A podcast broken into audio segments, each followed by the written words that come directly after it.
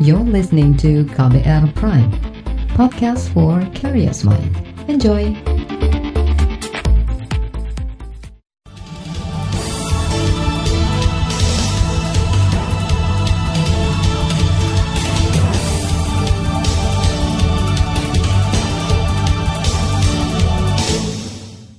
Selamat pagi saudara, KBR kembali menjumpai Anda melalui program Buletin Pagi edisi Rabu 20 Mei 2020 bersama saya Don Brady.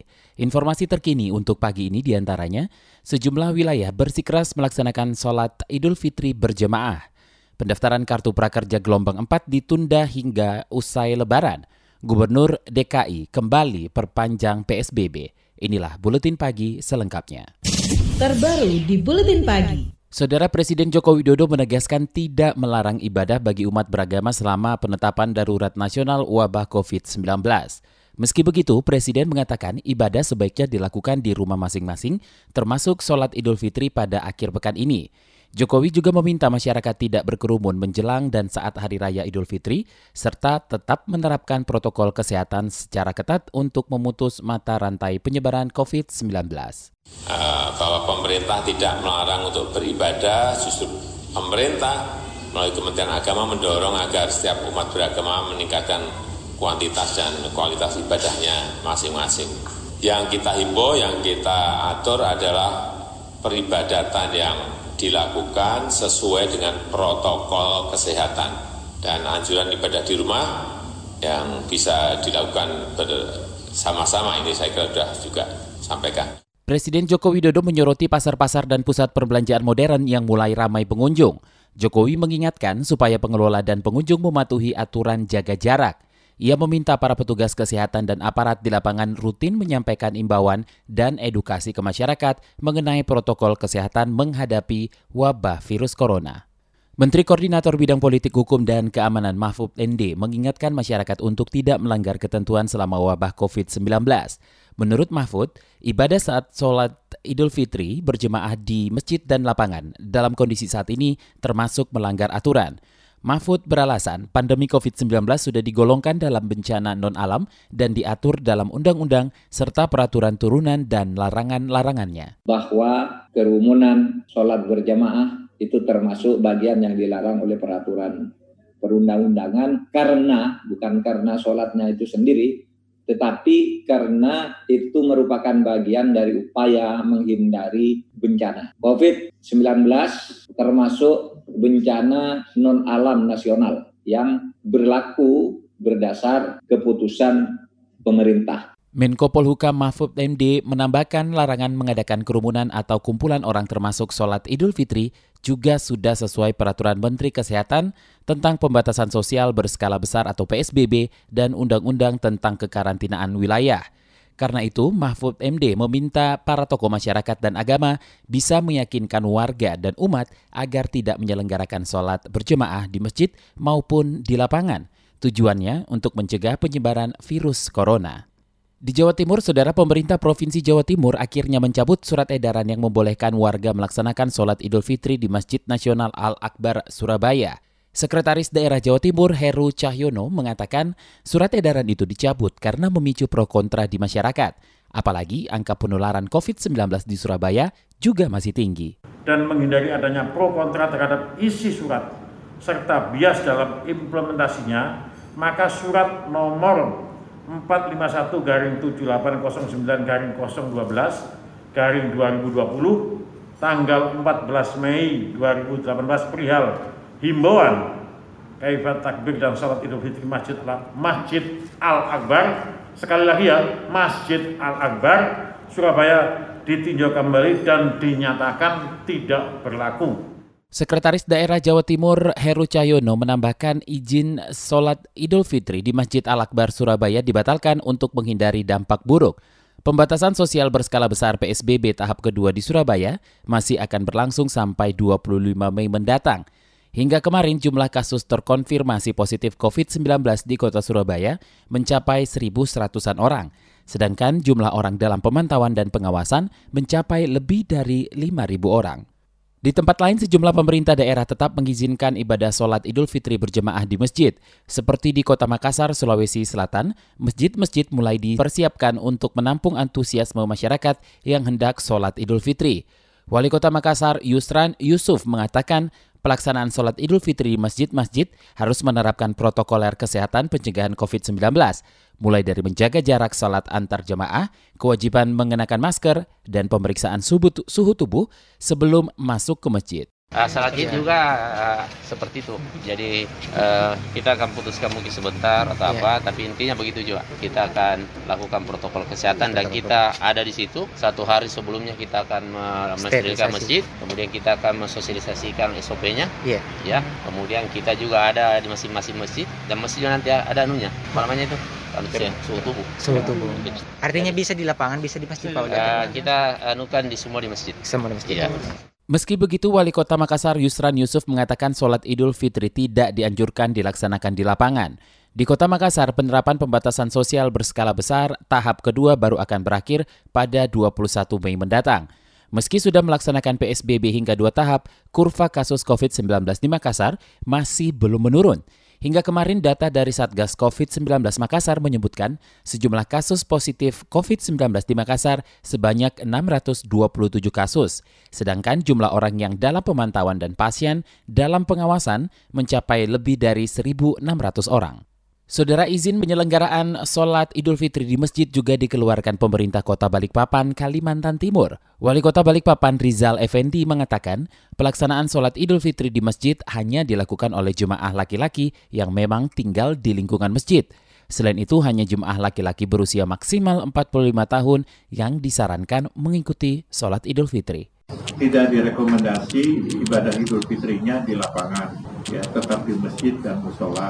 Dianjurkan ibu-ibu atau kaum perempuan dan anak-anak tidak melaksanakan di masjid dan musola, tapi tetap di rumah.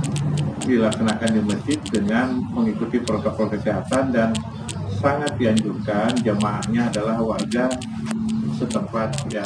Lalu kita minta juga dilakukan absensi untuk memudahkan kita nanti melakukan tracking. Wali Kota Balikpapan Rizal Effendi menjelaskan keputusan itu diambil melalui rapat bersama Forko Bimda, Majelis Ulama Indonesia, dan Dewan Masjid Indonesia Balikpapan. Pembatasan sosial berskala besar memang belum dilaksanakan di kota Balikpapan. Hingga awal pekan kemarin, data dari Satgas COVID-19 Balikpapan menunjukkan jumlah pasien dalam pengawasan atau PDP 226 orang. Pendaftaran kartu prakerja gelombang 4 ditunda hingga setelah lebaran. Informasinya usai jeda tetaplah di Buletin Pagi KBR. You're listening to KBR Pride, podcast for curious mind. Enjoy!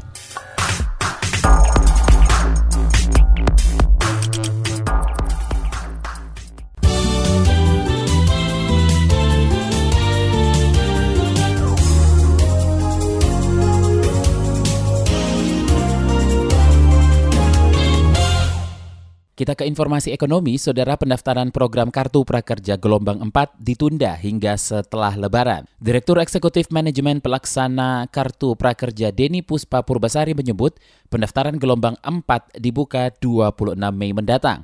Denny menyebut pendaftaran ditunda karena pengelola masih menyelesaikan perbaikan sejumlah masalah teknis, terutama sinkronisasi sistem informasi hingga kerjasama dengan empat lembaga keuangan. Karena memang ini ada keterbatasan di sisi kami dalam menyelesaikan backlog yang di sistem informasi. Dari sistemnya digital platform, lembaga pelatihan, kemudian si peserta, dan si PMO juga, serta lembaga keuangan. Di sini ada empat lembaga keuangan yang telah bergabung menjadi mitra mitra yaitu BNI, OVO, GoPay, Ngaja. Jadi ke, karena kami menyelesaikan backlog itulah kenapa kemudian batch keempat itu pada kemudian terjadi penumpukan pengguna kemudian ini kenapa saya lama tidak dapatin uh, insentifnya. Direktur Eksekutif Manajemen Pelaksana Kartu Prakerja Deni Purbasari beralih selain keterbatasan pihak penyelenggara, penundaan gelombang keempat Kartu Prakerja untuk memberi kesempatan masyarakat lainnya bergabung. Denny Purbasari meminta masyarakat berpikir positif terkait penyelenggaraan Kartu Prakerja,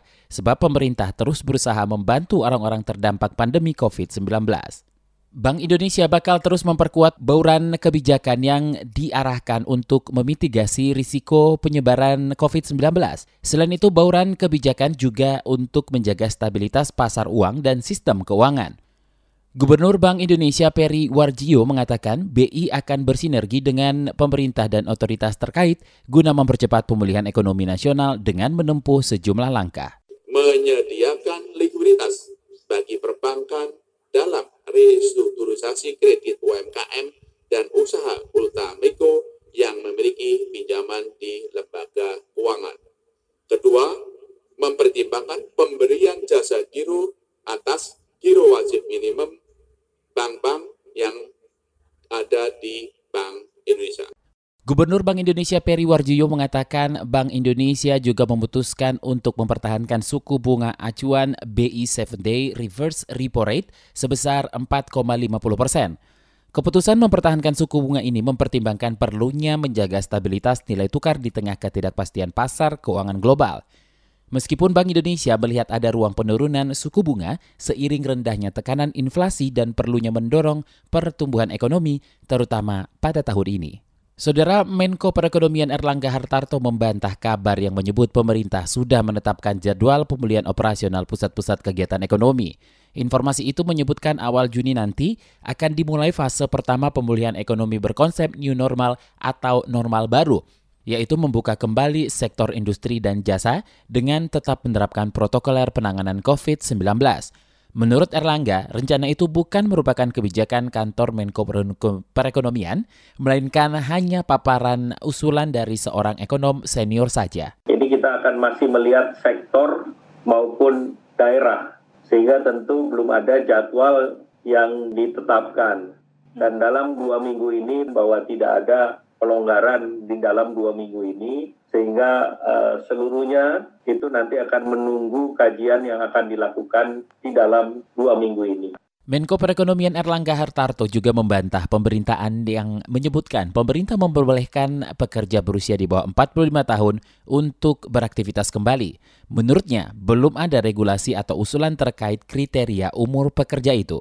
Kementerian Sosial akan mempercepat penyaluran bantuan sosial tunai hingga satu hari menjelang Lebaran. Menteri Sosial Juliari Batubara mengatakan mendapat perintah dari Presiden Joko Widodo agar penyaluran bantuan langsung tunai sebesar Rp600.000 segera terrealisasi untuk 9 juta penerima. Kita sudah sepakat dengan PT POS juga dengan Pak Menko PMK untuk target penyaluran sampai dengan hari Sabtu, eh, satu hari sebelum Lebaran, kita sudah melok target yang akan kita salurkan adalah sekitar 8,366 juta KK. Artinya kalau kita hitung dari mulai hari ini sampai nanti Sabtu, PT Pos harus sudah harus bisa menyalurkan rata-rata sekitar 800 ribu KK per hari Menteri Sosial Juliari Batubara menambahkan sebelumnya bantuan langsung tunai sudah disalurkan kepada 750 keluarga melalui bank pemerintah. Kini penyaluran akan lebih dipercepat dengan melibatkan PT Pos Indonesia. Kita ke mancanegara, otoritas di India dan Bangladesh mengevakuasi puluhan ribu warga yang tinggal di pesisir laut. Evakuasi dilakukan untuk menghindari angin topan atau badai ampan yang berpotensi merusak banyak bangunan saat dua negara itu masih berjuang menghadapi ancaman COVID-19. Tenda-tenda karantina untuk COVID-19 di India diubah fungsinya untuk menampung para pengungsi. Hal itu membuat petugas kewalahan karena harus berupaya juga memastikan pengungsi tetap menjaga jarak satu sama lain untuk mencegah penularan virus corona. Kantor Urusan Cuaca India mengumumkan badai Ampan memiliki pusaran angin dengan kecepatan lebih dari 240 km per jam. Badai Ampan diperkirakan berputar di Teluk Bengal dan pada Senin malam kemarin akan tiba di darat pada hari ini. Dasetnya amukan badai Ampan oleh pejabat terkait disebut sebagai badai terbesar di India dalam kurun 10 tahun terakhir. Saudara laporan khas KBR tentang tagar Indonesia terserah petugas medis menyerah akan hadir usai jeda. Tetaplah di Buletin Pagi KBR. You're listening to KBR Pride, podcast for curious mind. Enjoy!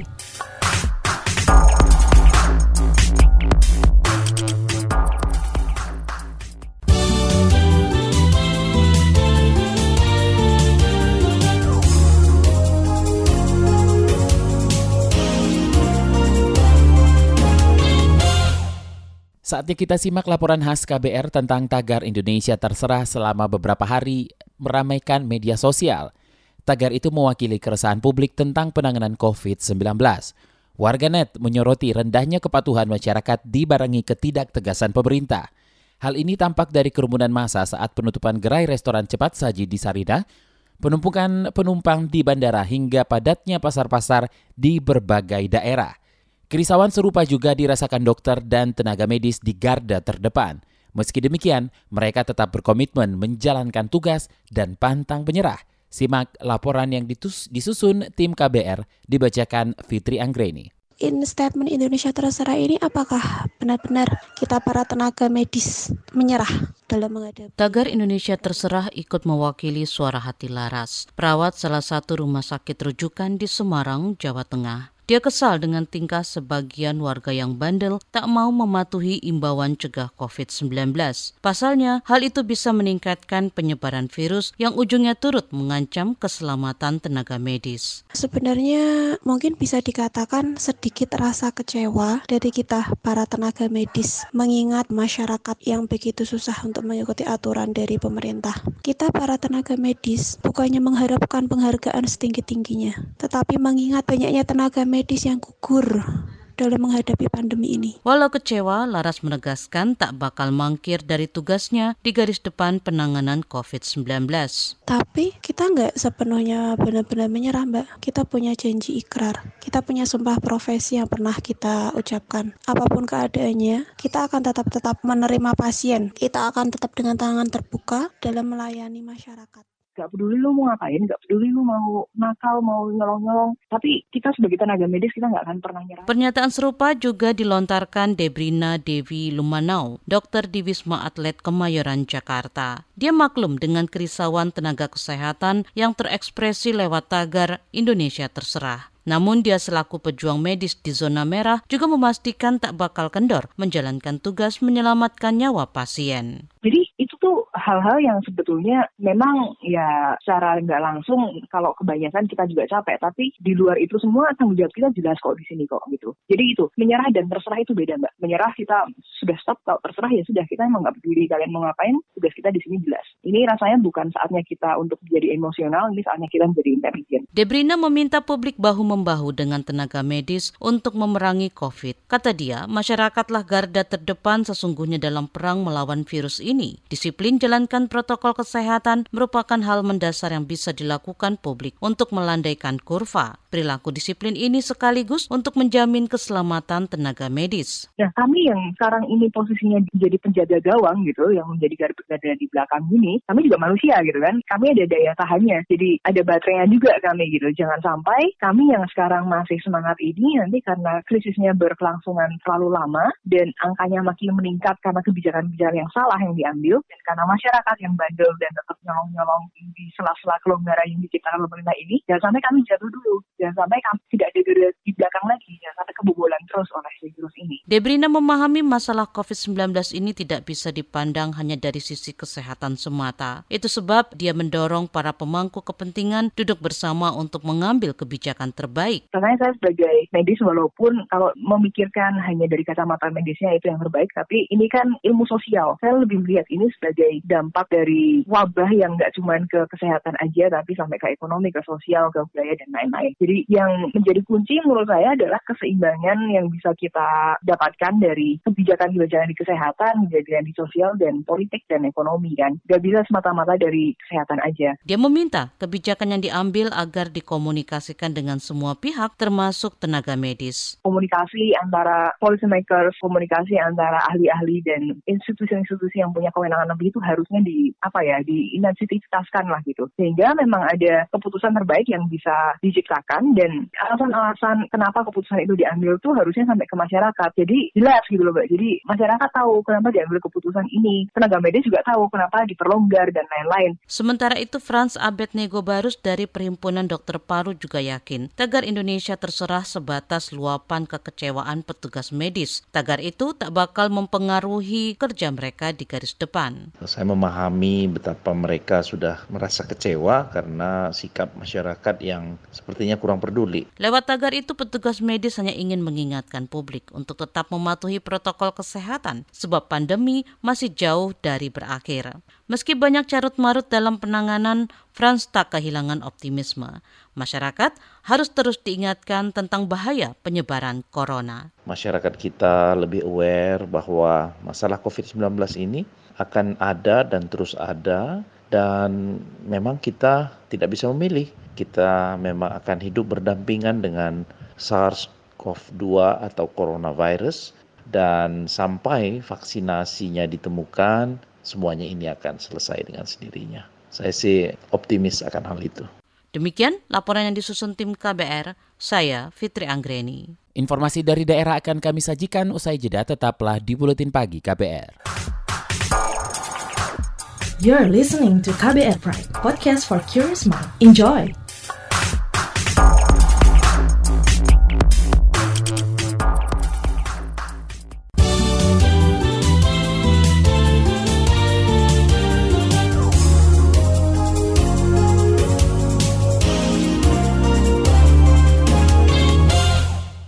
Inilah bagian akhir buletin pagi KBR. Saudara pemerintah Provinsi DKI Jakarta memperpanjang masa pembatasan sosial berskala besar atau PSBB selama dua pekan atau hingga 4 Juni mendatang. Semula PSBB tahap kedua akan berakhir pada 22 Mei. Gubernur DKI Jakarta Anies Baswedan mengatakan PSBB diperpanjang dengan mempertimbangkan masih adanya penularan serta belum turunnya kurva kasus COVID-19 di ibu kota. Dengan mempertimbangkan itu semua, melihat langkah-langkah yang sudah kita lakukan dan juga langkah-langkah seluruh masyarakat, maka Pemprov DKI Jakarta, gugus tugas DKI Jakarta, menyampaikan kepada seluruh masyarakat bahwa Jakarta akan menambah PSBB selama 14 hari, mulai tanggal 22 sampai dengan 4 Juni, dan ini akan bisa menjadi PSBB penghabisan jika kita disiplin. Karena itu saya ingin sampaikan kepada semua, jangan sampai kita harus memperpanjang lagi. Gubernur DKI Jakarta Anies Baswedan mengklaim PSBB di ibu kota sudah bisa mengendalikan penularan COVID-19 sehingga tidak meningkat. Berdasarkan data Fakultas Kesehatan Masyarakat Universitas Indonesia, sebelum ada PSBB angka penularan COVID-19 di Jakarta mencapai poin 4. Artinya, satu orang bisa menularkan COVID-19 ke empat orang. Usai PSBB dilaksanakan, angka penularan turun ke 1,1. Saudara meski larangan mudik masih diberlakukan, tapi ternyata saat ini banyak ditemukan mobil berplat nomor B asal Jakarta di Rembang, Jawa Tengah. Informasinya kita simak bersama jurnalis KBR Musyafa. Mobil-mobil berplat B atau Jakarta semakin banyak melintas masuk di jalur Pantura Kabupaten Rembang, Jawa Tengah. Diduga mereka para pemudik yang akan pulang ke kampung halaman di Kabupaten Rembang dan sekitarnya maupun sejumlah daerah di Jawa Timur. Kondisi ini bertolak belakang dengan himbauan Gubernur DKI Jakarta Anies Baswedan yang melarang warganya meninggalkan Jakarta di tengah-tengah pandemi COVID-19.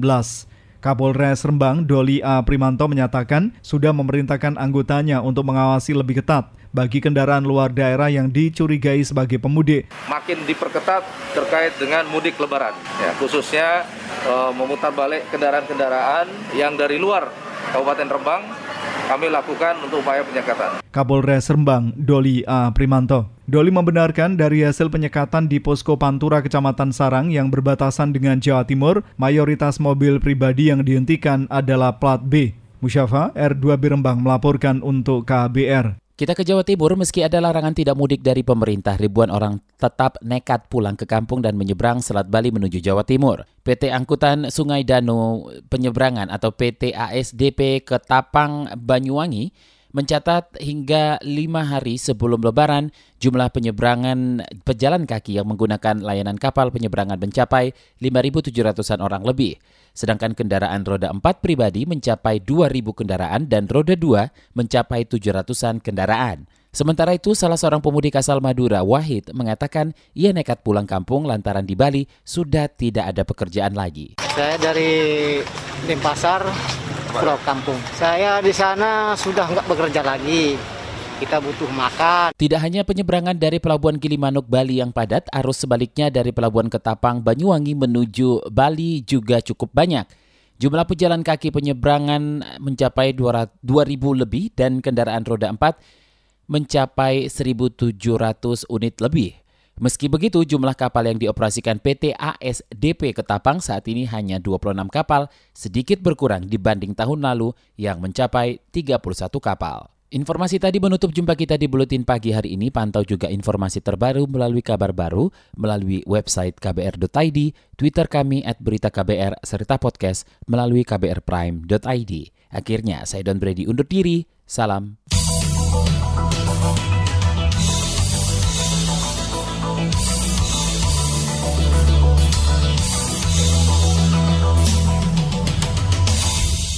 KBR Prime, cara asik mendengar berita.